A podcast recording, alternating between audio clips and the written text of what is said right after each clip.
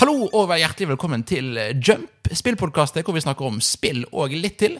Mitt navn er John Edvard Genius, og med meg i dag har jeg selveste Peter Meldal. Velkommen til deg. Jo, eh, takk, takk. Ja, det er veldig kjekt å ha deg med. Har du lyst til å eh, veldig kjapt eh, introdusere deg sjøl for de som eventuelt ikke vet hvem du er? Ok, så eh, Som sagt, mitt navn er Peter Meldal. Eh, jeg har jobbet med spill siden 2010. Hvor vi opprettet Rain, og jeg har vært daglig leder i Rain siden. Vi utga Tesla-grad, og vi utga World to the West. Uh, vi, altså det er da spill til PC, men også til alle mulige konsoller, som PlayStation 3, PlayStation 4, Xbox og nå Switch. Og Tesla-grad og råd til Wii U! Det, det er jo det er kult. Det er et av de, si, altså Jeg er veldig Nintendo-fan, og det at det norsk spill kom til Wii U som ikke var den mest populære konsollen, det syns jeg er kult. Vi har fremdeles en utgave av World of the West på lur også, så vi fremdeles kan finne på å utgi til, til, eh, til Wii U. Så vi kan være en av de siste spillene som kommer ut der òg. Det, det hadde, klar, hvis jeg klarer å time det med sånn 1. april-utgivelse, at det kommer ut det. Jeg tror vi har noe mer eksotisk enn det òg. Fordi eh, vi har til og med en Tesla-versjon til Vita. Oi! PlayStation Vita. Ja, Og den har ikke kommet ut? Eller, eller, Den er ute. Jo, den er ute, jo, den er ute, ja, selvfølgelig. Ja, Te- Tesla-grad, ja. Så kult. Det er Vita. Det, den er jo enda mindre enn enn Wii U, men Vitaen har i hvert fall et kjernepublikum som Wii U bare ikke har. Det er sant. Ja, så det er Yes, eh, vi gjør da Jump. Vi snakker om spill og litt til. Vi kommer ut annenhver uke. Husk å like oss på Facebook, hvor vi heter Jump spill og litt til. Og på, følg oss på Twitter. Eh, Gå inn på jump.no, hvor du kan eh, få med deg når meg og Michael gjør Altså Michael, som da ikke er her for første gang i Jump.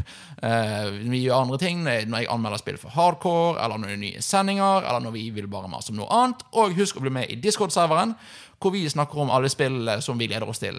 Eksempel, Michael snakker masse om Super Smash Brothers, som han gleder seg til. Uh, men i dag så er det deg, Peter, som vi vil være med, og det er Inkypen. Og vi skal snakke en god del om Inkypen etterpå.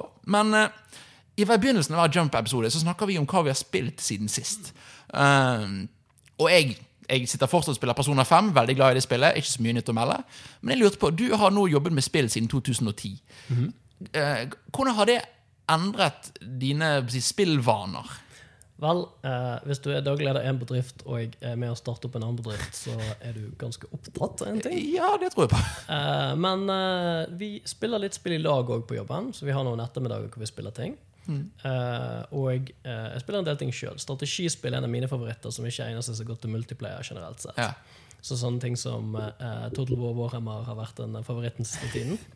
Og som er toåren som er ute nå, og det kommer alltid noe nytt der. Eh, men eh, sammen har vi alt spilt alt mulig fra sånne ting som eh, PubG til Minecraft til League of Legends. og den type spill. Ja, Men hvordan er det da, for eksempel, nå har vi hatt, eh, og jeg snakket om det før, både her og i Hardcore, om at 2017 og 2018 har vært grådig sterke spillår. Er det da sånn at du, bare, du, du må egentlig bare velge å prøve å ignorere det, for du har ikke tid? Eller er det sånn at du prøver å få med deg de store spillene når de kommer, og spiller de? Og... uh, jeg tror det er en spillutviklergreie hvor vi gjør en sånn sær ting. Hver eneste gang det kommer ut et spill som gjør noe som er nytt, så tar vi og hopper gjennom en bunch med YouTube-videoer inntil vi forstår de nye mekanikkene som er i det spillet. Så tenker vi OK, nå, nå har vi opplevd det. Ok. Så uh, du prøver på en måte å finne en måte å kondensere ned uh, de, de opplevelsene. Hvis de, Ja. Spesielt hvis de er i sjangre du enten ikke har tid til, eller ikke er dine egne kjernesjangre. Mm. Du må, altså du kan ikke la en eller annen stor ting Nei. Uh, passere på den måten. Mm. Så hvis du sier eksempel eh, ta noe sånt som Witcher 3. Ja. Det bitte lille spillet Witcher 3. Altså, det tar jo litt tid å spille det spillet. Men det er veldig greit å følge med på CD Projekt Red og se hva de gjør. Se hva som er, på en måte, driver eh, den sjangeren fremover. Ja. Det kan også for så vidt være greit å gjøre på spill eh, som ikke har så mye suksess. Så du kan f.eks. ta, og, eh, ta en titt på eh, Assassin's Creed Unity og på Witcher 3, og finne Ja. ut hvorfor folk liker Witcher 3 bedre enn Assassin's Creed Unity. Hva er det som er på en måte Ja. Eh, Det er jo to, begge to to trippel A-spill, så det bør være sammenlignbare. Yeah. Ubisoft er så et større selskap med mer ressurser enn sitt Project Red, selv om de begynner å få ganske mye ressurser etter hvert. Uh, så hvorfor, uh, hvorfor Witcher 3 over, uh, over Unity? Hva er det hva som skjedde? Du spør du meg? Oi. Nei, ikke nødvendigvis. Det, det er et åpent spørsmål. Det er det vi er ønsker å finne ut. når vi ser YouTube-videoer. Men hva Ja. tror du? Nei, åh, jeg spør deg ikke. Men hvis jeg hadde spurt Nei, eh, nei for meg så tror jeg at Assassin's Creed Altså for Unity var jo eh, et av de siste spillene før Assassin's Creed tok pause. Eh, og jeg tror det har en blanding med at folk er lei av sjangeren, med at Assassin's Creed var et godt spill ikke et fantastisk spill. At det, liksom, det enda et Assassin's Creed-spill. Nå når Origins kom uh, senere, så, er det, så var det så mye nytt, og de kunne si at dette er, dette er ikke bare et nytt Assassin's Creed-spill. Og det samme med Odyssey som kommer i år, så er det så mye nytt. Det er ny setting, det er ny Altså, uh, Unity var bare enda et, enda et spill i en serie som folk var litt lei av. Så jeg, det tror jeg, da. Jeg, jeg tror egentlig Åssen er det ikke sant for uh, Witcher Dog? Det var derfor sammenligningen var så uh... Ja. Altså, hvorfor det ikke er sant for Witcher? Mm -hmm. Fordi at Witcher Witcher ja. Mm, Witcher 3. ja, greit. greit. Jo, men Assassin's Creed, hva blir det da? Syv eller åtte? Det er jo Hvis du skal regne skikkelige titler, så er det vel kanskje fire. Ikke det, jo, for det har jo Brotherhood og disse her. Er Fem. jo, Ok, ja. fem. ja, greit. Så, Men du kan allerede si på Assassin's Creed 3 at folk begynte å snakke om at sjangeren var sliten.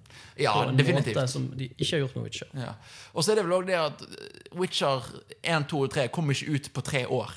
Assassin's Creed hadde jo årlige utgivelser. Uh, ja. Ja.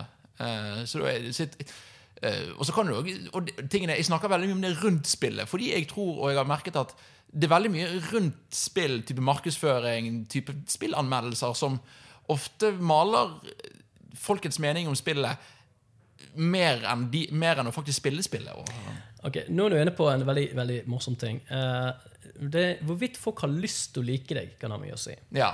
Eh, så eh, vi kan se på eh, CD Project Red og Ubisoft mot hverandre. da. Ubisoft er kjent for å ha noen uh, interessante markedsføringstriks uh, inne her og der. De kanskje ikke like frynsete rykte som EA, f.eks. Nei, altså, Ubisoft er interessant. EA er bare store, stygge ulven for mange. Ja. Eh, men eh, det er noen horn i siden til, til Ubisoft også. Ja. Så kan si CD Project Red begynner ikke med det beste altså De er et polsk selskap. Og jeg, det er ikke noen andre polske spill Ja, det er ett annet polsk spillselskap du kan ha hørt om. Jeg har sikkert hørt på dem, men jeg vet, vet ikke om de er polske. For det, jeg går, jeg går dårlig å huske på hvor folk er fra. Men hvem er den andre? Eh, Superhot. Så, er, de, er de fra Polen? Jepp. Ah, kult. Det visste jeg ikke.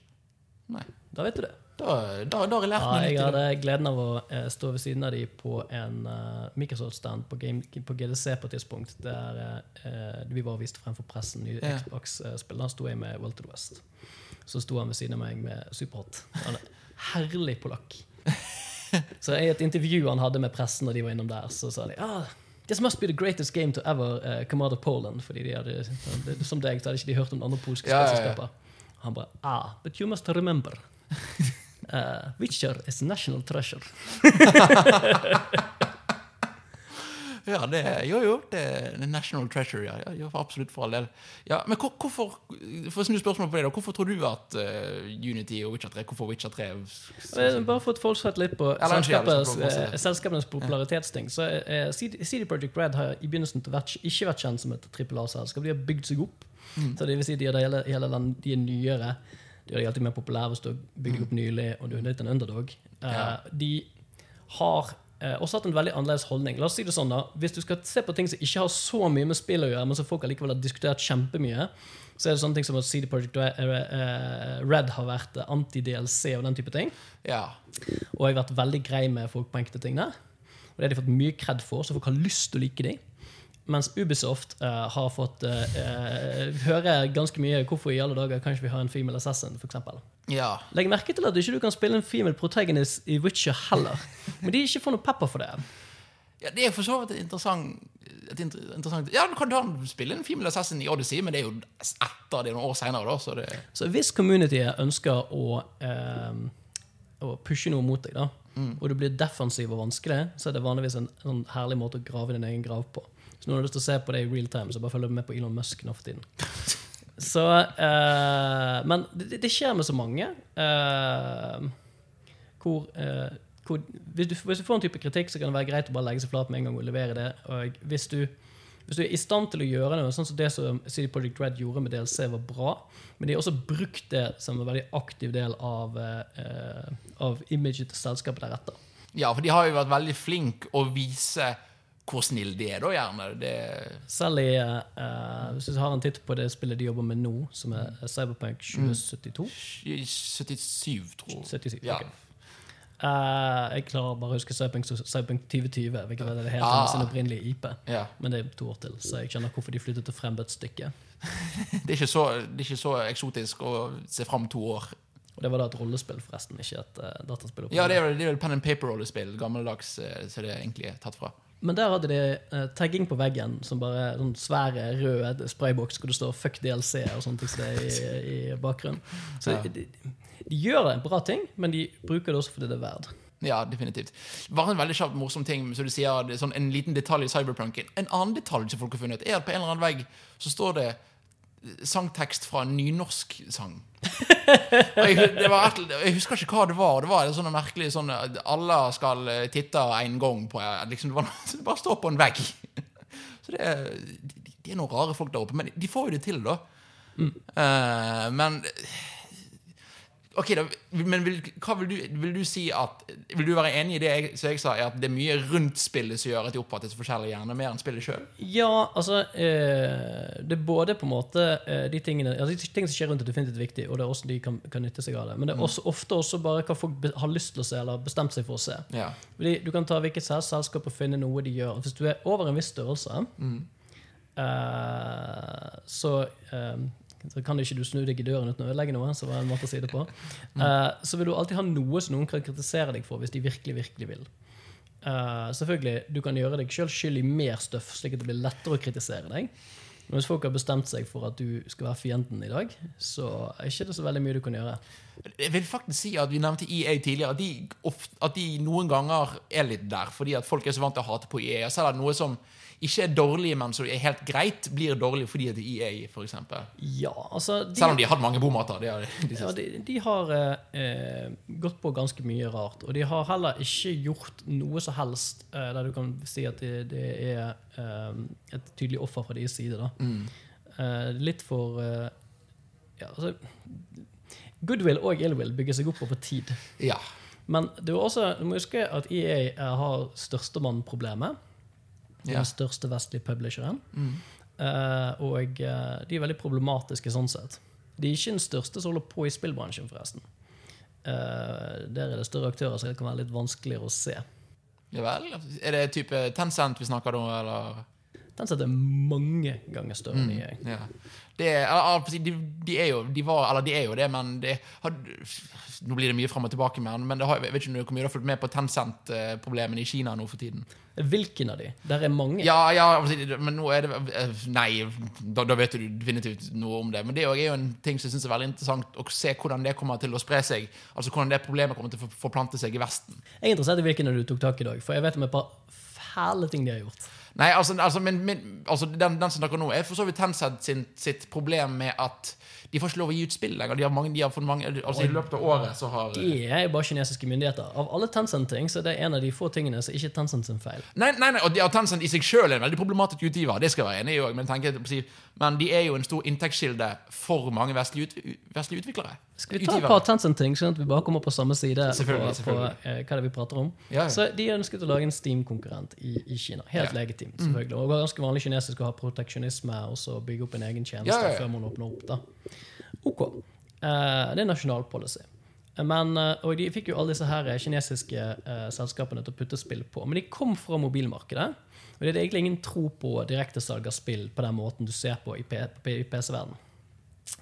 Så uh, da valgte de å lage uh, en løsning så de ikke hadde noen avtale med spillutviklerne om. Hvor de hadde en link til en annen webside hvor spillet bare lå ute gratis. Hvor du kunne laste det ned eh, gratis. Ja. Og så sier eh, spillutviklerne hvorfor driver dere og hjelper folk å piratkopiere spillet vårt? Så sier Tencent ja, men vi eier ikke og kontrollerer ikke den andre websiden, vi bare linker til den. På tross av at den websiden var registrert under Tencent. ja.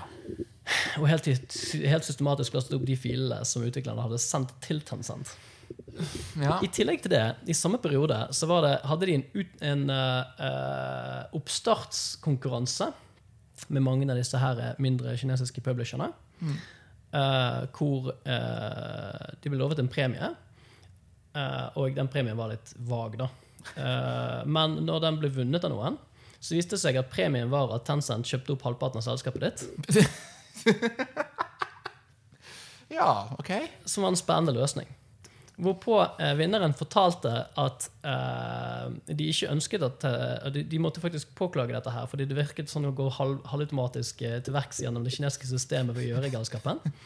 Så de klarte å protestere det inn, men da, da fikk Tencent de til å gi opp førsteplassen for å slippe å bli eh, eh, kjøpt opp da.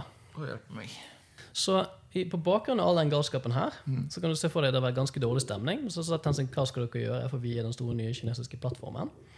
Så dannes det en, en eh, koalisjon, uh, som er da The Chinese Indie Game uh, Coalition, tror jeg. Ja. Uh, man kan søke opp det nøyaktige navnet deres på nettet hvis man har lyst til å se litt rundt. Og det, altså, alle sammen samlet, samlet sa vi, vi kommer til å ta ned spillet vårt. For hvorpå Tencent sitt svar var vel, dere kan ikke ta ned spillet vårt, vi har filer deres. Hvorpå de sa i så fall, siden vi er en kollisjon av absolutt alle sammen, siden dere har klart å være såpass grusomme over tid, så kan vi alltid legge ut et spill på deres tjeneste igjen. Hvorpå det gikk litt tid, og Tencent måtte krype til kors og fikse tingene på sin side. ja. Men Og jeg vet at det skjer litt hårreisende ting i store selskaper, men dette var på hjemmebane. Veldig synlig. Ja, det Og, jeg, jeg mener ikke å ta Tencent sin side, men det, det, fordi det er positivt for skal vi kalle det for bransjekvaliteten, kan man si. At de, at de ikke er, at de, må, de, de går jo nå ut av spillmarkedet på, Eller de, de fokuserer ikke like mye på spill i fremtiden, har de sagt. Men eh, jeg tror det vil ha en negativ effekt for Vesten rent økonomisk sett for spillutgiverne. Eh, ja. Og jeg, skal vi se, det var, den, det var den mindre av de to store Ja, til Tencent. Så den andre tingen de er involvert i Har du hørt om eh, Sesame Credit? Ja, og ja. ja. Så Det er da et system som lages av etter det jeg forstår, Tencent og Alibaba på vegne av kinesiske myndigheter. Er Tencent involvert der òg? Det er de som lager det. Så hvis man ikke vet hva Sesame Credits er, så det er en egen svær greie. Mm. Man bør finne ut eller finne, ja, lese seg opp på det. Ja. Hvis man er bekymret for hva som foregår i statene, så er det ingenting i forhold til dette galskapet her som de ønsker å introdusere i Kina. Dette her er som en episode av Black Mirror. ja, ja, det er ja, skummelt likt, bortsett fra at det er ekte. Men det er en stor forskjell mellom den ene Black Mirror-episoden som tar for seg et sånt system, og det faktiske tilfellet. Black Mirror går ut ifra at systemet ikke er korrupt. Vil du gi et kjapt Bare sånn Beskrive nøyaktig hva Sesame Credit var veldig kjapt? Så enkelt og greit. Enkelt og greit så får deg at Facebook var obligatorisk og knyttet til kredittkortet ditt og knyttet til alle andre persondata, der du som en borger får en borgerscore som bestemmer veldig mange ting. Som hvorvidt du kan sitte på eh, ha kollektivtransport i det hele tatt. Sitte på, eh, på eh, eh, sånne ting som førsteklasse på kollektivtransport. Hvor lang tid offentlige etater vil bruke på å behandle søknadene dine, eller om du kan levere inn søknader i det hele tatt, og hvorvidt du kan få et pass. Og Det er ikke basert på hvorvidt du har gjort noe kriminelt eller ikke, men hvorvidt du er en god borger. Hvorvidt du er hyggelig. Nei, ikke nødvendigvis hyggelig. Du kan få negative poeng av å kjøpe utenlandske medier, f.eks. Det er ikke patriotisk. Men hvis du bruker pengene dine på gummistøvler og ris, for eksempel, det er plusspoeng. Så det vil si at staten skal helt inn i privatlivet ditt og se hvorvidt du oppfører deg som en god borger. God borger. Oh ja, og det blir, ratingen din blir også trukket ned eh, hvis du har venner. Og husk at systemet er automatisk, som har lav score. Så det er veldig viktig å fryse folk ut hvis de da ikke beveger, eh, oppfører seg som bra borgere. Jeg bare ser denne Black Mirror-screenen, og, det, det er, det, og, det, og dette er ekte. Dette, dette, dette er ikke en vits, dette er ikke en røverhistorie. Er- dette er lagd av vår alles fantastiske Tencent. Ja, på oppdrag fra kinesiske myndigheter, da. Ja, jo, jo, men det går, det går an å si nei. Det vil man håpe. Men det er Kina. Ja, absolutt. Så de to tingene kan være greit å vite om. Uh, hvis man lurer på hva eh, Tencent, hvorfor det er viktig å diskutere de i vestlig spillbransje, siden de ikke er i vestlig spillbransje, så de er definitivt i vestlig spillbransje. De eier Activision, som er en vesentlig del av Activision Blizzard. De eier Riot, som er de som lager League of Legends. De eier Rocket League, eksempel. De eier tonnevis med stuff. Og de, og de gir ut mange spill for EA i Kina, og for eh, Konami, og for Capcom gir de ut i Kina. Og de er, Altså, de er en veldig stor kinesisk aktør, og eh, når man skal drive, drive ting eh, til Kina, så er det stort sett enten Tencent eller et annet selskap som heter Perfect World, som gjør veldig mye av det arbeidet med å få spill inn der. Det, det er vi godt kjent med, for å si det sånn. ja, ja, så det er Så de er vanskelig å unngå. da. De er rett og slett en gigant. altså, det er jo nesten monopol.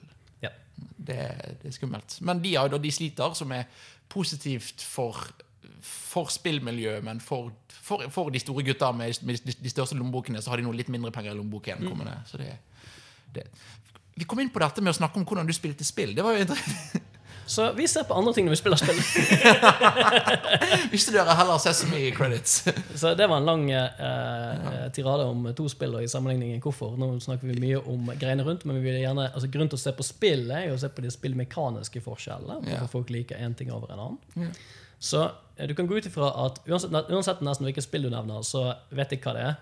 Og så kommer det sånn 'Har du spilt?' spør spørsmålet, som er misvisende eh, for de fleste spillutviklere. Det kan være bedre å spørre 'Kjenner du til?' Ok, Og ja. Hvis de svarer ja på det, så vil de si at de har antageligvis ikke spilt det, men de har i praksis spilt det. Okay.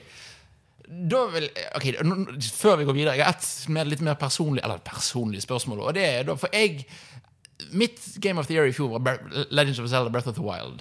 Kjenner du til det Oh spillet? yes. Eh, har du spilt det? Nei. Nei. eh, men da, da lurer jeg på, for jeg som en som er spill, ung spilljournalist, og som bryr meg veldig mye om, om spill, men som ikke har Jeg er ikke en utvikler. Eh, For meg så var det spillet veldig Det føltes veldig eh, revolusjonerende. For du som er spillutvikler, er det mye gammelt nytt, eller er det faktisk så stort som vi fans, for å kalle oss fans, da syns? Det er en veldig spesiell tittel. Eh, selvfølgelig, de har jo tatt eh, enkelte, um, enkelte pekepinner fra andre titler. Definitivt. Ja, de, de, de, de er ikke originale alltid, men mye, de har, gjør, gjør en, ny, en ny vri på det, da, som Nintendo ofte gjør. Hvis man uh, ser bort fra nye vrier, så finnes det ikke originalitet. Så man, Ting utvikler seg alltid skrittvis, og gjerne blandingen av to konsepter. Noe bra er stort sett kombinasjonen av noe nytt og noe gammelt. Ja. Hvis du har tenkt å prøve å gjøre alt nytt, så vil du finne at du har bygd noe som er altfor alien til at folk kjenner igjen eh, galskapen du driver med. Men så, på mange måter så er Breath of the Wild faktisk litt sånn som det første Zelda-spillet. ja.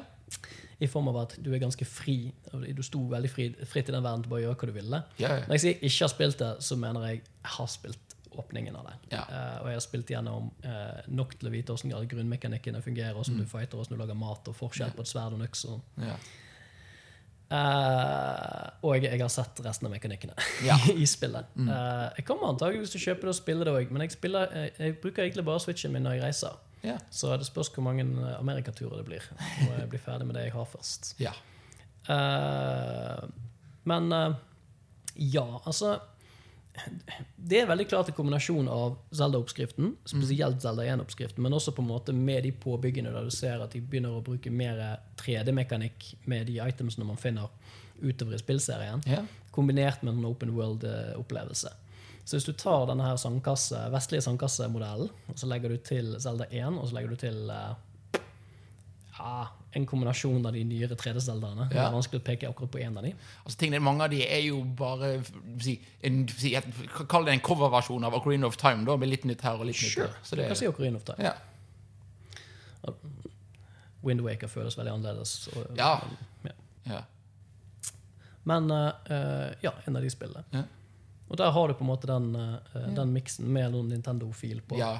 ting. Nintendo Polishen, og hva du skal kalle det. Ja, de fikk lov til å ta seg ganske god tid med det spillet òg. Så det er ofte eh, det man ikke tenker på, både med Indie Darlings og med disse trippel eh, A-titlene man ender opp med like ganske godt. At det har tatt lang tid å bygge de. Definitivt. Da liksom vi skal gå, du har, I største enden så har du Breath of the Wild, som jeg tror fikk original releasedato 2013. Ja, nettopp. Og så kom vi til 2017, og så har du liksom vår, La oss dra det helt tilbake til Bergen, til Owlboy, som gikk, brukte ti år. Så det er jo- to i hver sin ende av skalaen på mange måter, men som er elsket. Hvor man da gjerne ikke ser at å ja, dette har eksistert, vært bygd på lenge. Altså, det, har litt med hvordan ting finansieres å gjøre. Og hvordan, altså, det er ikke vanligvis mulig å skaffe seg eh, et budsjett til å sitte og jobbe med noe i de ni-ti årene det ville trengt for å være nærmest perfekt. Og det er heller ikke eh, altså, Spillere er ikke interessert i å vente så lenge på det heller. Hvis du hører om et fett spill, så vil du ha det nå, helst med en gang. Hvis ikke det heter cyberpunk, da er det overraskende mange som tåler å vente. De, de, de skriker at de vil ha det, men de, de er overraskende hyggelige, de som roper på CD Project Red at de vil ha det nå. Ja, altså, CD Projekt Red bruker litt tid på spilltitlene mm. sine. Det kan være en stor forskjell mellom de og som du sier, altså, Ubisoft. Ubisoft sin Assassin's Creed-serie. Ja. Er litt uavhengig av hvorvidt du er i stand til å putte mer ressurser og mer folk på det, så er det en viss modningsprosess for spillet som det går gjennom. Hvor det alltid, hvis, du, hvis du blir ferdig med spillet, og så bare venter du ett år til, da blir det veldig bra. Ja. Det er sikkert er veldig lett å si til en ny, en ny spillutvikler. Ok, nå er du ferdig. Bare vent et år.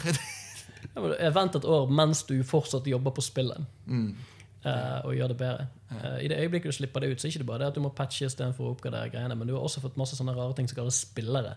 Som nå har veldig spesifikke forventninger til hvordan ting skal være. Og folk liker ikke endring. Nesten uavhengig av spill så vil du se at uh, eh, community kritiserer hver eneste patch uansett. Hvis de gjør noen vesentlige endringer. Og så hvis du spør noen om de ønsker å gå ti patches tilbake igjen, så sier de herregud, spillet var fullstendig uferdig da. Ja, ja, og, og, og de som klager hvis de gjør for mye endringer. Men hvis det bare er en patch hvor det bare er Hei, nå er spillet mer stabilt, så hvorfor gjorde ikke dere dette? Altså, I utgangspunktet, etter min erfaring, eh, på tross av at det kan være bra å høre på community, så er det veldig mye bedre å ha en lite test-community som du kan velge å ignorere eh, der du må, uten å ødelegge for spillet ditt. Altså, du vil ønske å ha community feedbacken, slik at du, ønsker, du vil vite hva folk engager med, og du vil vite uh, hvordan de engager, og hvor de sliter. og sånne ting som det. Så det er En viss grad spør du i spørsmål, en viss grad bare måler du med trikk på dem. Ok, ingen spilte forbi level 3. Ok, det er noe vi må gjøre. Kanskje Ja. det er bare en bug som du ikke kan laste level 4. Kanskje det bare er drit å spille gjennom level 3. Ja. Nå har vi snakket veldig mye om eh, spill og litt forskjellig. La oss prøve å fokusere litt mer på Inkypen. Yes. Eh, vil du veldig kjapt, eller bruke hvor tid du vil, hva er Inkypen? Inkypen er en uh, tegneseriedistribusjonsplattform. Så det er utgangspunktet en abonnementsordning for tegneserier til Nintendo Switch. Det fungerer litt sånn som Spotify gjør for eh, musikk, og eh, Netflix gjør for eh, TV-serier. Bare da med at vi har tegneserier. Så jeg har signert på et par svære internasjonale eh, tegneseriehus. Og eh, de gjør sine tegneserier tilgjengelig gjennom tjenesten. Nå jobber vi litt med å klare å få inn eh, flere eh, av de store, men også for å lage ordninger for å få inn de mindre seriene. Ja. For vi har lyst til utgangspunktet være en kanal for hele mediet. Ja, okay. For, for å få det altså, La oss si da, alt som har kvalitet som er verdt å levere. Jeg har alltid ment at Steam gjorde en viss feil med å bare fjerne filteret sitt helt. Ja, det er jo, det er jo definitivt Det er greit å ha kvalitet, og ikke bare alt. Ja, altså tegneserieverden spesielt. altså Det skal ikke mye til for å putte en tegneserie ut på internett. Og veldig mange tegneserier- nettegneserier er fantastiske. Men eh, den store majoriteten er forferdelige. Eh, og bør ikke være en del av noe du har betalt for. Så Hvis, hvis du da bytter ut ordet nettegneserie med spill og Steam, så kan det òg være ofte at altså Ikke, ikke mer majoriteten, men det finnes mye dritt på Steam. Ja, altså En grunn til at jeg liker eh, Good Old Games, altså GOG, GOG. Uh, veldig godt, er det faktum at de har den kvalitetskontrollen som Steam mangler. Yeah. Uh, hvis du kjøper et spill på GOG, så skal jeg love deg, det er et bra spill for noen. Det kan hende at det er noen som liker veldig spesifikke strategispill som ble utviklet på 90-tallet. Ja. Så du bør lese hva som står om spillet. Men det er et bra spill for dem. Yeah. Det er ingen spill på den plattformen som er objektivt dårlig. Nei. Og det, og det er litt det dere vil gjøre med Inkypen, da. Ja. eh, og du snakket om at dere har fått mer store utviklere, nei, utgivere, og vil få inn flere store utgivere. Hvilke utgivere har dere fått per nå, som dere kan fortelle om? Så eh, Vi gjorde en svær pressemelding i forbindelse med Gamescom. og Jeg kan ta de utgiverne vi hadde da. Nå har jeg ikke en liste for meg, men så da tar vi fritt fra minnet. Yeah. Valiant, som er et svært eh, superheltunivers. Yeah. Eh, Titan, som er den største eh, UK, altså engelske yeah. publisheren. Eh, så har du Andrews McMeal, som sitter på veldig mange av disse her eh, avisseriene man kjenner. Uh, altså sånne ting som Ja, ja. ja. Bare fra Garfield. Eller. Men også faktisk veldig mange uh, altså Hvis noen kjenner til Saturday Morning Breakfast Serial, ja. så er de også med der. Og veldig mye mellom, mellom det. da. Tommy og tigeren, faktisk også. Eh, så har vi eh, IDV. Og eh, IDV har massevis av større titler. Det er sånne ting som Transformers eller My Little Pony. De er gjerne et lisenshus, da. Gjerne, hva du. Ja, Vel, ikke det òg. De gjør også veldig kule ting, sånn som Lock and Key og uh, eh, altså, alt, altså, de er svære. Ja. Altså, mangfoldet i tegneserieutvalget de har alene, er imponerende. Det går an å si er vel, De er vel en av de største, hvis du ser bort fra to veldig tydelige aktører. som jeg kan komme tilbake til. Ja, ja, ja. Det er helt riktig. Mm. de er en av de aller, aller største. Så har vi uh, Skal vi se uh, Dynamite. Dynamite, hva er det de gjør? Det, De har veldig eh, eh, De har en god del sånne eh, De har også veldig mye forskjellig, kan jeg si. Ja. Eh, Men de, de er i utgangspunktet litt mer sånn eh, barbarer og krigere og, og den type ting. Ja. Eh, og eh, de har også noen eh, tegneserier for litt eldre. Uh, som Vampirella og sånt. Ikke. Eh, men uh, Dynamite er også et hus som har eksistert veldig lenge. Så de har en veldig lang og uh, gammel katalog. ja, kult. Eh, så til syvende og sist så er der Humanoids. Humanoids er et av de aller største franske selskapene. Ja. Du kjenner til Metabaron, eksempel. Nei, Metabaron har jeg ikke hørt om.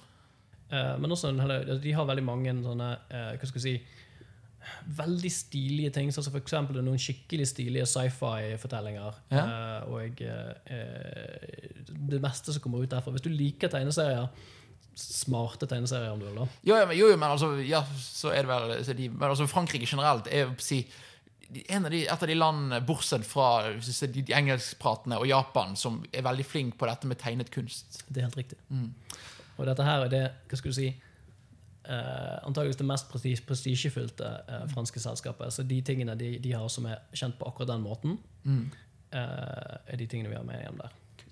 Uh, og da er det to ting som jeg Eller det er tre ting som jeg Som gjerne mangler, da, hvis jeg tenker på tegneserier, spesielt i Norge. Og det, det ene er jo Marvel og DC. Er det, hva er grunnen til at ikke de er med der? Er det Marvel eies av Disney. Det vil ikke si at det er umulig for dem med, men det vil si at det er svært, svært vanskelig. Ja. Uh, så de har laget sin egen uh, tegneserieordning. Den er ikke på Switch eller noe, men uh, de leker ikke med noen. Nei, det, det høres ut som Disney. Ja. Ja. Det samme gjør DC. Eh, så de har også isolert seg. Vi er i dialog med begge to, dog. Så Ja. de følger med på åssen det går. Det er ingen tvil om at hvis Inkipen klarer å få nok folk og tjene nok penger, så vil, eh, så vil det være eh, mulig å få de inn også. Yeah. Men hvis man er interessert i den type tegneserie det er, eller har lyst til å komme seg inn i superheltgreier, så kan jeg faktisk anbefale Valiant. Det er veldig mange som følger med på på en måte uh, den siden, og hvem det er som forteller de mest interessante nye historiene. Mm. Og uh, der er uh, Der kommer Valiant veldig bra ut. Kult. Så hvis du er ute etter gode tegneserier i den retningen, så er det, er det da de, de å anbefale. For Fordelen med Marvel og DC selvfølgelig at man kjenner gjerne igjen figurene fra filmer. og sånt. Yeah. Ikke at figurene er de samme som de er i tegneserien. Det var faktisk et helt separat univers. Ja, ja, og det er til og med flere separate universer. Ja. det er veldig, ja. Så man må glemme alt man kan fra filmene hvis man skal følge med der. Ja.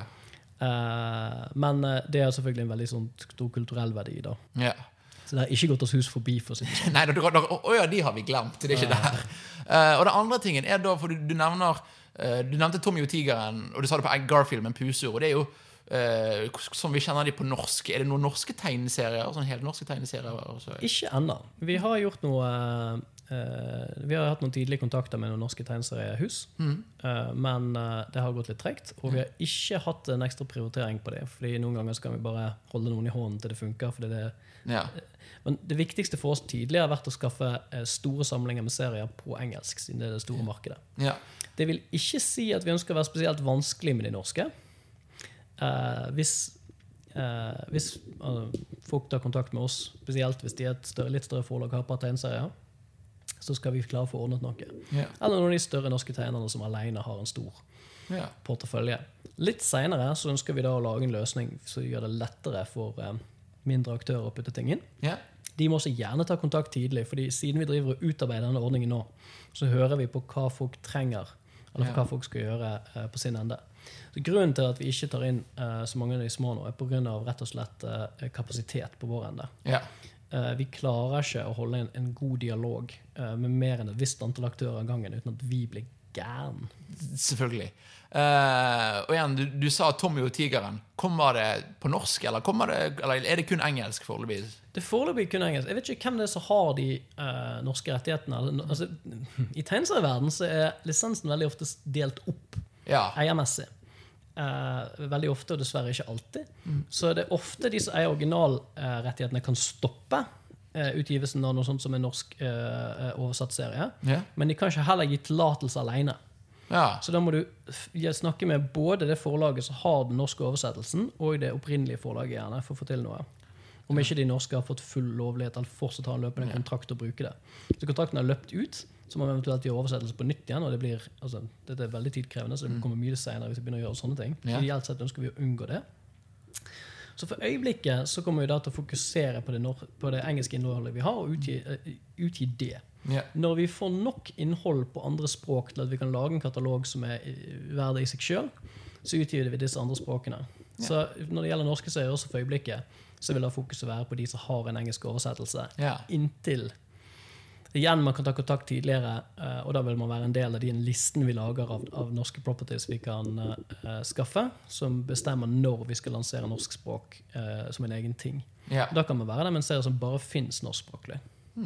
Eh, siste sånn småting igjen, blir sikkert men manga, er det, er det oh, ja. Er det på vei? Det, Ja, vi har litt, det kom litt inn gjennom uh, de publisherne vi har allerede. Ja. Og vi driver og snakker med flere store japanske hus. Uh, det går dessverre ikke så fort som vi hadde håpet. Mm. Men hvis vi får noen av de avtaler inn, så får vi inn veldig mye stilige ting. Og det er ikke en begrensning fra vår side, kan jeg si. Nei. Så manga skal inn, og eh, så mye som mulig. Eh, man må bare det er, en, det er en forretningskulturforskjell. I Japan så liker man å ta seg litt mer tid. Og eh, sånne vestlige cowboytendenser settes ikke pris på. Ja, ok. Det, jeg ser det kan være en utfordring. Vanligvis ville det nok vært enda vanskeligere, men siden vi har et tett forhold til Nintendo, som er eneste grunn til at vi får lov til å holde på med dette i utgangspunktet, så gjør det det litt lettere å introdusere seg sjøl. Uh, Inkipen, hvordan, hvordan startet dette? Hvordan startet Inkipen og hele greien? Hvor, hvor begynte det? Vel, uh, det begynte med meg og Ronan, som nå er daglig leder for Inkepen. Uh, så vi begge to har vært tegneserieinteresserte, og vi har sett at det er egentlig helt håpløst å prøve å, å catche opp på det innholdet som fins. Eh, Ja, definitivt. man har jo selvfølgelig begrenset tilgang til papirutgaver, uh, og det kan være svært kostbart. Man leser også gjerne tegneserier litt fort. Eh, selvfølgelig De tegneseriene man liker best her i verden, vil jeg alltid anbefale å skaffe i papirversjon og putte på hyllen hjemme. Men uh, når det gjelder å komme seg gjennom og på en måte få lest mye av det veldig stilige materialet som fins, så fins det ingen god løsning. Uh, det er noen digitale løsninger der ute, men de fleste av de baserer seg rett og slett på at man skal kjøpe enhetene direkte. På samme pris som man ville gjort i butikken ellers. Ja. Det kan fort bli upraktisk. Eh, så vi ønsket å lage en abonnementsløsning, og da begynte vi å se oss om etter eh, hvilke muligheter vi hadde for det. Problemet på, eh, på nettet og på mobilplattformer er det at det er veldig satt der. I form av at de fleste utgiverne har sine egne ting, eller sine egne måter å selge på direkte. Og er derfor ikke veldig interessert i å jobbe med en ny, ukjent aktør. Og de er heller ikke interessert i å jobbe med en av konkurrentene sine. Så eh, når vi så Switchen var et veldig god eh, device for dette her De hadde ingen ikke-spill-ting lansert på det tidspunktet i det hele tatt. Altså eh, ingen eh, medieapplikasjoner. Nei, nei, nei. Og, eh, vi, og Så det er ingen, ingen som hadde sine ting der. Så tenkte vi, og det viste seg å være helt korrekt, at hvis vi tilba folk en måte å få distribuert ting på Switchen, så ville de eh, være interessert, og vi kunne få samlet alle under ett tak. Så siden vi da starter på Switch, eh, så vil vi da eh, så, Og det er derfor vi har klart å få inn disse svære eh, aktørene i utgangspunktet. Og da var alltid tanken at hvis det fungerer, hvis vi klarer å få det til å funke på Switch, så kan vi ta det videre til andre plattformer der det egner seg. Og der vil folk vært med, der de kanskje ikke hadde signet seg opp hvis det, hvis de skulle vært der i utgangspunktet. Ja. For de fleste av disse plattformene de uh, publisheren har sjøl, de går ikke nødvendigvis så bra. Fordi det viser seg at tegneserielesere ikke, ikke liker å installere seks-syv applikasjoner for å følge med på uh, forskjellige serier. Kunder liker enkelthet. Hvem skulle trodd? Ja, nei, det, det er merkelig, dette. Eh, hvordan hva skal jeg si, Veien, som de sier, til Switch, uh, hvordan har den vært? Si, Hvor tid, For dere får ideen og snakker om Switch. Hvor gjør, hvordan gjør dere da med Nintendo? Når kontakter dere Nintendo? Hvor mye er de involvert i dette? Vel, I dette tilfellet her trenger de være veldig involvert. Uh, Nintendo hadde ingen pipeline uh, for å lage noe som ikke var et spill til Switch. Det er ikke pga. at folk ikke har hatt lyst til å utgi slike ting til Switch. Det er fordi Nintendo bare forbudt det. Uh, Ja. ikke bare små, små aktører heller. Det er store Nei. aktører som ikke har fått lov til å, å komme ut på plattformen. Ja. Så eh, i utgangspunktet så er det da å prøve å bygge sammen et prosjekt. og snakke med, altså Vi har jo da jobbet med Nintendo mange år allerede, siden vi utgitt spill for det. Og Det var den eneste grunnen til at vi hadde en plass rundt forhandlingsbordet i det hele tatt. Ja. Jeg, må bare Et kjapt litt sånn spørsmål. Er det, når dere snakker med Nintendo, er det Nintendo Europe? Er det, eller er det type Bergsala, som er den norske avdelingen? Hvem er det dere snakker med, da? En Nintendo Europe. Det er Nintendo Europe, ja. Og veldig sjelden engang Nintendo Japan. ja. Eh, nei, så det vi, vi, Alle spillutgivere har en kontaktperson som de i utgangspunktet skal benytte. Og når de kommer med noe så spesielt som dette her, uh, så må det, kontaktpersonen virke noenlunde overbevist. Uh, så vil han da ta det videre til Han eller hun ta det videre til det som heter businessavdelingen.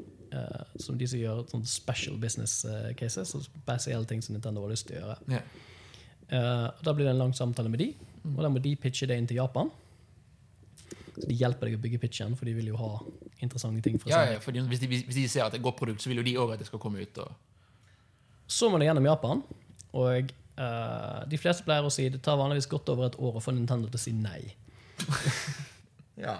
Uh, så det er standardprosedyren. da. Ja. Uh, og det også har med japansk businesskultur å gjøre. Mm. Men det tok oss ni måneder å få et ja, Ja. som er så godt som unikt. Så unikt er det at Inkipen kan bli det første eh, internasjonalt lanserte eh, medieapplikasjonen til Switch i det hele tatt. ja, for den eneste som eksisterer, er vel Hulu i USA, og så er det noen streamegreier i Japan. Men det er ingenting Det er. Ja. Ingenting globalt, eh, og ingenting i Europa for så vidt heller. Nei. Og, og da er jo jeg nysgjerrig og her- Her vet ikke hvor mye du kan si. Hvorfor det? Hvorfor tror du hvorfor, dette, si, hva, Jeg vet ikke hva som er svaret, men hvorfor får dere lov? Vel, det her er en innviklet sak. Ja, det, nei. Men uh, det begynner med Nintendo sin Games First Policy. Ja. Uh, hvor de har ønsket å fokusere på at dette er en spill-device, og ikke ment å bruke til å lese e-posten din med eller være masse apper på. Ja. Han har jo heller ikke nettleser, eksempel. Riktig. Det er ikke en mobiltelefon. Og det ønsker de å, å presse hjem. Det skal være noe å ha det gøy med. Ja. Eh, og du skal ikke forvirres på den måten. Eh, vi var et selskap de kjente til. Vi leverte en teknisk plan der vi gjorde det klart at ikke de trengte å endre noe i systemet sitt, fordi vi kjenner systemet deres ganske godt. Mm. Og det hjalp veldig, fordi veldig mange ganger så må de tilrettelegge noe for at ting skal være mulig. Yeah. Det er såpass utenom det vanlige. Uh, og vi, uh, vi De kjente oss. De, de vet at vi er et selskap som både uh, klarer å levere til deres tekniske plattformer uten å trenge masse assistanse også, utenom det de må gjøre sjøl. Ja. Og de vet at vi har vært opptatt av kvalitet hele veien. De liker oss. Vi har vært i mange interessante dialoger med Nintendo tidligere. De, eh, til og med Nintendo Japan vet, vet hvem Rain var allerede før vi begynte å diskutere dette. Og det var viktig. Ja. Hvordan føles det, bare sånn veldig raskt? Hvordan, at, at Nintendo Japan vet hvem Rain er? er det, Det var veldig awesome i begynnelsen, og nå er det en ting som er som det det, det, det blir enda en dag på jobben, på en måte? Ja, altså du blir vant til alt uansett, og det er kun nye ting som imponerer deg. Det er et menneskelig til, grunntilstand, tror jeg. Ja. Så eh, ja, nei, det faktum at vi første gang utga på Nintendo-plattformer, var jo fordi de tok kontakt med, De cold-callet oss eh, ut av ingen steder. Vi tok, vi tok aldri til kontakt med Nintendo for å publisere på plattformene deres opprinnelig. Det er jo, og det, igjen, og det går litt imot det som man gjerne ser for seg med Nintendo. For de sitter oppe i det høye tårnet og bare Ja, vi har Mario og Zelda, vi trenger ikke mer. De har vært opptatt av å prøve å tilrettelegge bedre for uh, tredjepartsutviklere over lang tid. Eh, men eh, ja, Og det gjør de jo da ved av å eh, ha outreach til, til indie-selskaper og til andre selskaper. De har involvert seg veldig i et annet selskap her i Norden som minner litt om oss. Og vi hadde et veldig lignende løp til de. Det var altså da Image and Form, uh, som nå har blitt en del av Thunderful. Ja, ja, det, ja.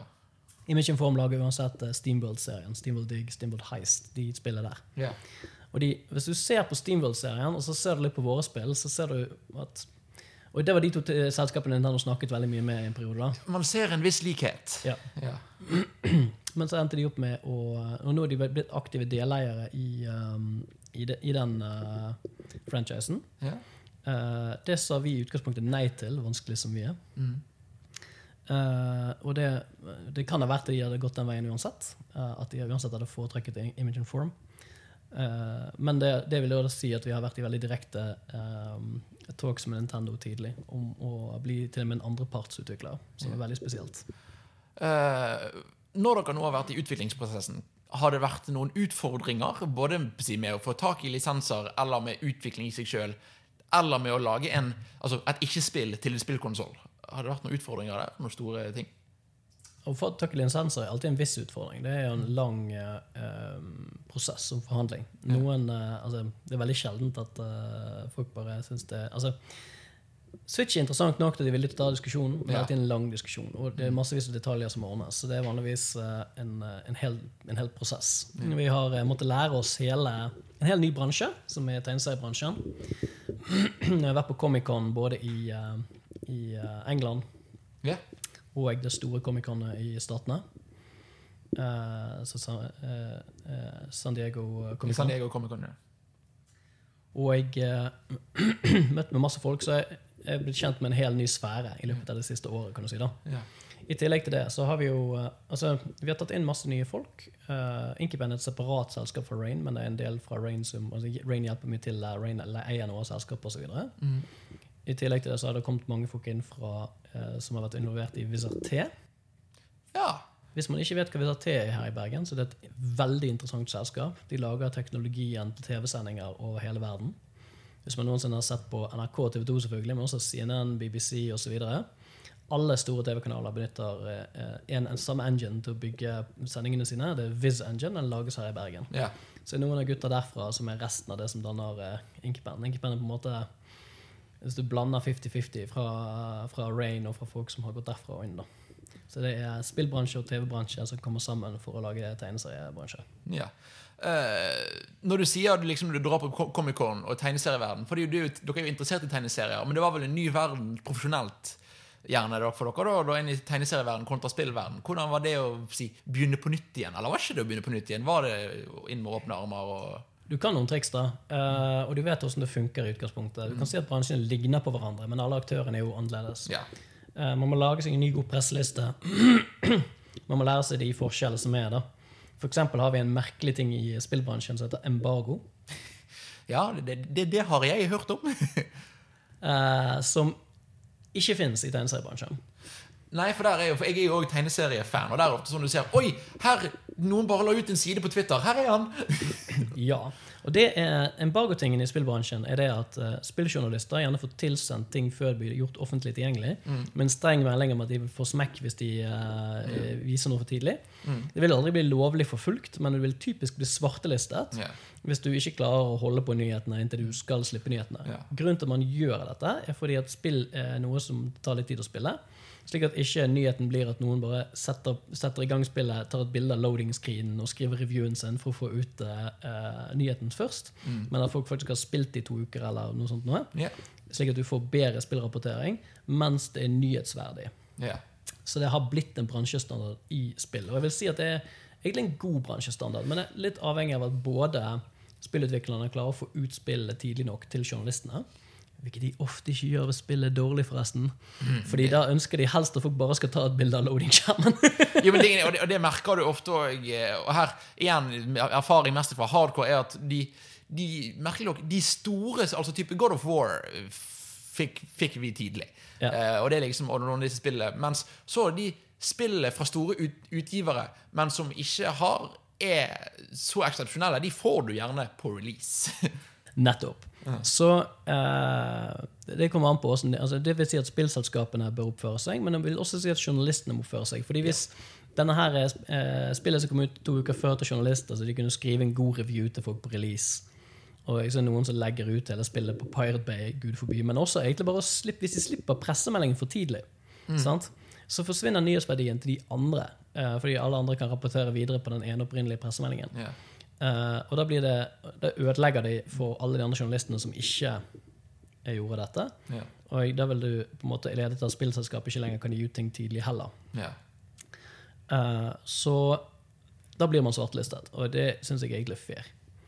Det, det, er altså, for du, vi får jo, og dette er jo en, gjerne en kritikk mot spillbransjen, eller mot spilljournalister, er at vi får spill gratis. Hvordan vet du, da- hvordan vet du, hvordan vet du da hva verdien er? Og da, hvis, og da hvis man da får et spill gratis av utgiver for å anmelde det, og hvis ikke du respekterer deres regler, så er det jo så enkelt, og da får ikke du det, det, det neste spillet. Men selv om dette er veldig godt hamret inn i spillbransjen, så fins ikke dette konseptet i noen annen bransje i det hele tatt. Det er sant. Det er ingen journalist du kunne gitt en nyhet og sagt men du får ikke lov til å slippe den nyheten før om to uker. Glem det. Det, Det vil bli skrevet om med en gang.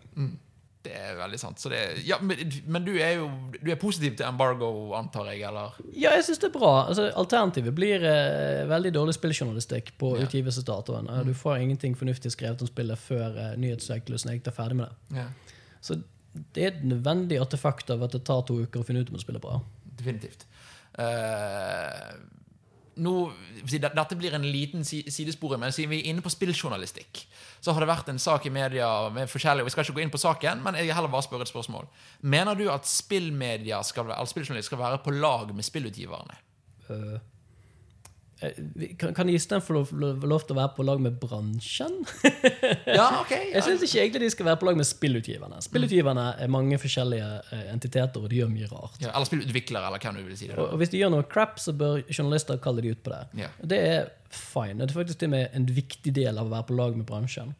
Hvis journalistene kan ta og eh, skille det bra fra det dårlige og peke folk i riktig retning, så gjør de jobben sin. Ja. Uh, og det, det er bra. Hvis de bare er ute etter å, å, å lage kvalm og henge ut alle uansett, og lete til de finner en feil med noen, og så ja, altså, Det òg er destruktivt. Ja. Så ikke vær kjip for å være kjip. Ikke vær snill for å være snill. Uh, Vær nøytral og ærlig. Og altså det er Mange som har klaget på hvordan spillskalaen er oppfører seg merkelig. Den begynner på 70 og går oppover derfra. sant? ja. Uh, hvis journalister kunne snakke litt mer mellom hverandre og få laget litt bedre felles språk uh, for sånne ting som det, så ville det vært bra for bransjen òg. Altså, hvordan skal vi lese en, eh, en anmeldelse? Yeah. Uh, skal det være en prosentskår? Hvordan funker det? Hva betyr Hva betyr at noe er 7,0 kontra 7,2? For jeg vet hvorfor det har blitt sånn til en viss grad. Det er ikke bare fordi uh, det er en viss grad fordi store spillanmeldere er i lommene til uh, store spillutgivere. Men det er ikke bare Spørs hvem du snakker om. Men Jo, ja, ja, ja. Nei, men uh, altså, igjen og enkelte andre. Altså, hvis du er i stand til å putte store spill-wallpapers på websiden som anmelder deg, og de ikke har noen annen inntektskilde enn det faktumet at spillutgivere putter penger på dem altså, La oss si det sånn, da. Hvis ikke leseren betaler for innholdet, Ja. og kun spillutgiverne betaler for at publikasjonen eksisterer, så er det vanskeligere å holde seg nøytral. Absolutt, men der vil jeg si at IGN får mye negativt, får mye ufortjent, vil jeg si. Uh, og har Sagt opp en del journalister. Uh, finner, det, det finnes mange ræva journalister som jobber for IGN. Eller IGN, om vi skal kalle det det. Ja, men det er også mange av de som har fått fyken rett etter å ha gitt et spill en lav score. Hvis det spillet også hadde marketingpenger inn i siden. Det kan absolutt være, og, men jeg, jeg vil ikke si at IGN er gjennomsyret betalt. nei, nei. nei. Det, er, det er fine. Det er, men la oss kalle det en påvirkning. Ja, det, det kan være at, det, at det er noen spill som blir hvor, hvor man da blir påvirket av det, fordi at noen sier 'hei, vi har fått penger av de'. Men det er også andre ting som fører til scorens påvirkning. Mm. de spillene som blir anmeldt, er i utgangspunktet de mest interessante spillene. Sant? Det vil jo si seg selv at de gjerne har en høyere score enn hvis man bare skulle tatt de uinteressante spillene også. Ja, og det er jo igjen en ting som har, har endret seg. For før var det spillsider som sa at vi anmelder alt. Korrekt. I dag kunne du bare glemme det. Og det er ingen som vil det. Nei. Uh, så det gjør jo også at, uh, at scoren flytter seg fra en, standardfordeling. Da. Uh, og så har du her er en annen effekt. Spillteknologi har blitt mye bedre med tiden. selvfølgelig. Ja. Så hvis du får en toer som er objektivt bedre enn eneren, skal du da gi den en høyere score? Det er jo Altså, for en, en, 0, altså en, en to av ti er bedre enn en, en, en av ti. Skal du da gi han en bedre score? Nei, nei, mitt poeng er egentlig det at uh, vi, altså, standarden har flyttet seg. Mm. Ja. Uh, så toeren kan være objektivt bedre enn eneren, men kanskje likevel fortjener en lavere score. ja. Ok, ja. Jeg ser hva du mener. Og det er vanskelig. Altså Det er kjempevanskelig. Da må du nesten alle sammen sette seg i et møterom og diskutere hva den nye standarden er. Ja, ja, men, og, det, og det er liksom Og det som er så vanskelig, fordi spill er kunst. Ja. Eh, og når så du sist noen gi terningkast på et maleri i BT, liksom? Ja, altså, men hvis hvis du, for deg, hvis du tenker på det sånn som dette, da. Eh, når denne her standarden flytter seg uh, okay, når, når du anmelder et spill, og spesielt et spill folk er veldig glad i, da, Ja.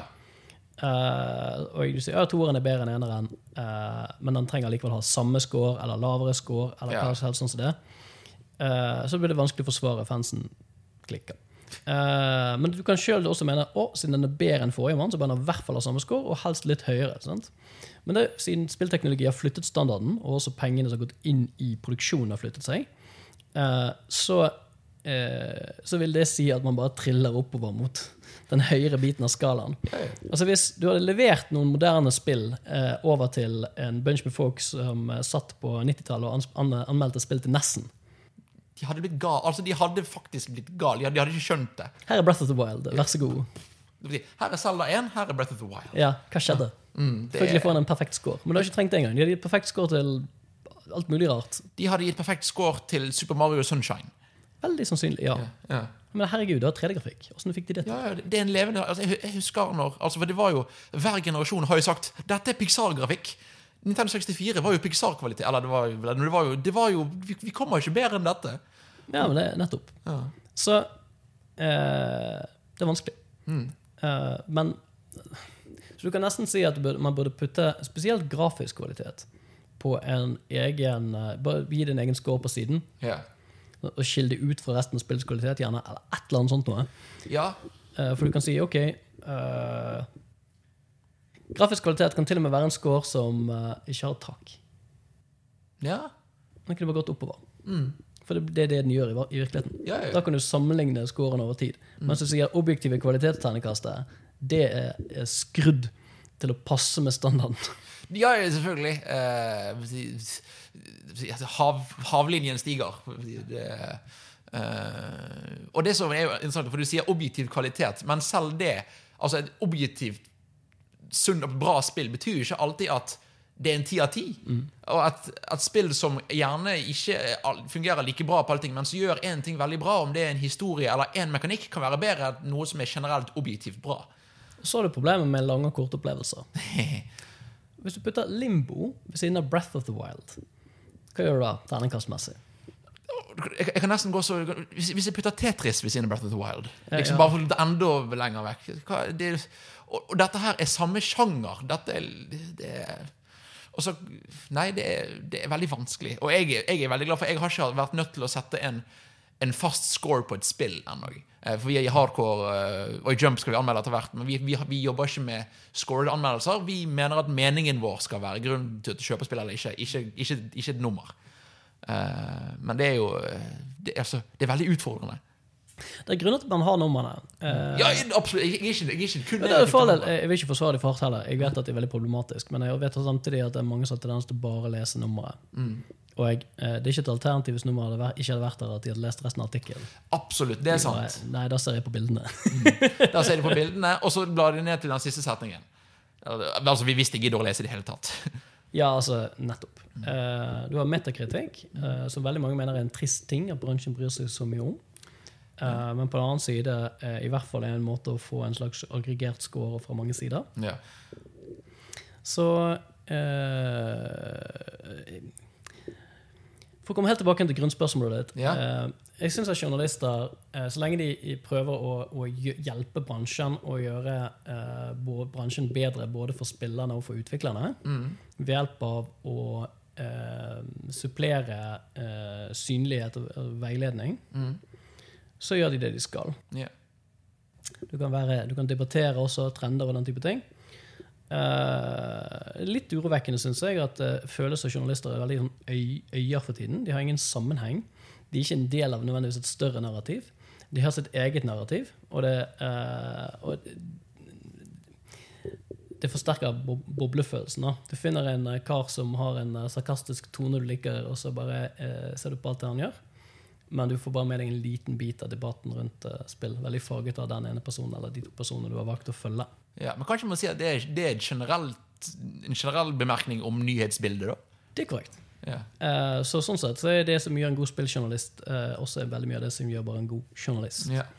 Uh, men du har helt rett. Altså, det er som I dag så spiser du ikke grønnsakene dine. Du får ikke et variert bilde. da. Det skulle nesten vært sånn at hvis du ønsker å se en anmelder eller en interagerer, så bør du se en annen også. Ja. Og, og igjen, der er jo Metacritic faktisk en positiv ting, for det er, det er en samling av alle. Her er, her er, her er midten, og det er det, det de fleste syns om dette spillet. korrekt. Uh, så, det, det kan bare gjøres numer numerisk. Du kan ikke lage en aggregert tekst. Nei, uff. Nettopp. Uh, så uh, Ja, rett og slett. Hvis Ja. du ser litt på uh, f.eks. Yatzy, som spiller en melder, så kanskje du bør se litt på Markiplier, som er veldig koseligere rett etterpå. Mm. Så ok, mellom de to en plass, kanskje, i virkeligheten. Ja, og så mener jeg, jeg mener, og dette har jeg vært i diskusjoner, jeg mener aldri at å se anmeldelse er lik har spilt spillet. Uh, og dette er, spill er kunst, så du, du, kan ikke få meningen din av noen andre, selv om du kan være enig med dem. Så Ja. du, altså du, hvis du vil ha en mening, spill spillet. Eller se masse videoer på YouTube fordi du spillutvikler og ikke har tid. Men ikke ta En anmelder er ikke objektiv, den er subjektiv. Det er jobben hans. Så det, og det, det syns jeg er veldig viktig å få fram, er at en anmelder kan være god underholdning, og det kan være interessant, men det, det er ikke et faktum. Og selvfølgelig enkelte spill er eh, Altså, det er en spørsmål om smak. Ja. Eh, spesielt på de spillene som leverer én estetikk veldig veldig bra. La oss si et spill som har en kjempebra historie.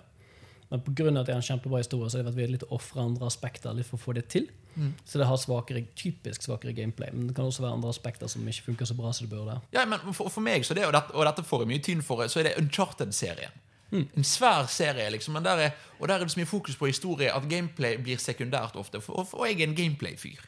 Jeg er en Nintendo-fyr. Så, er, mm. så det, er- der er en serie hvor jeg ikke er enig med at det får en 9 av 10 og 10 av 10. Selv om det er en grei historie.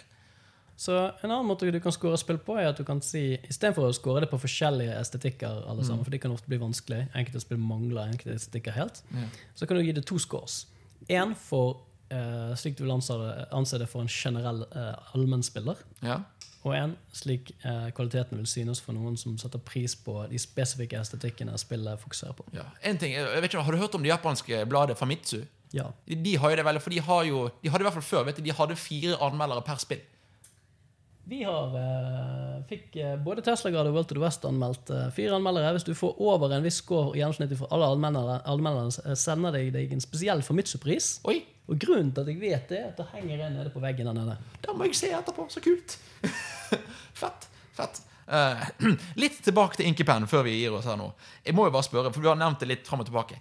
Hvordan er det å være før Netflix? Hvordan føles det? Ja, det er deilig. Uh, eh, jeg vet at veldig mange ønsker seg Netflix og enkelte andre tjenester til, eh, til Switchen. Jeg òg.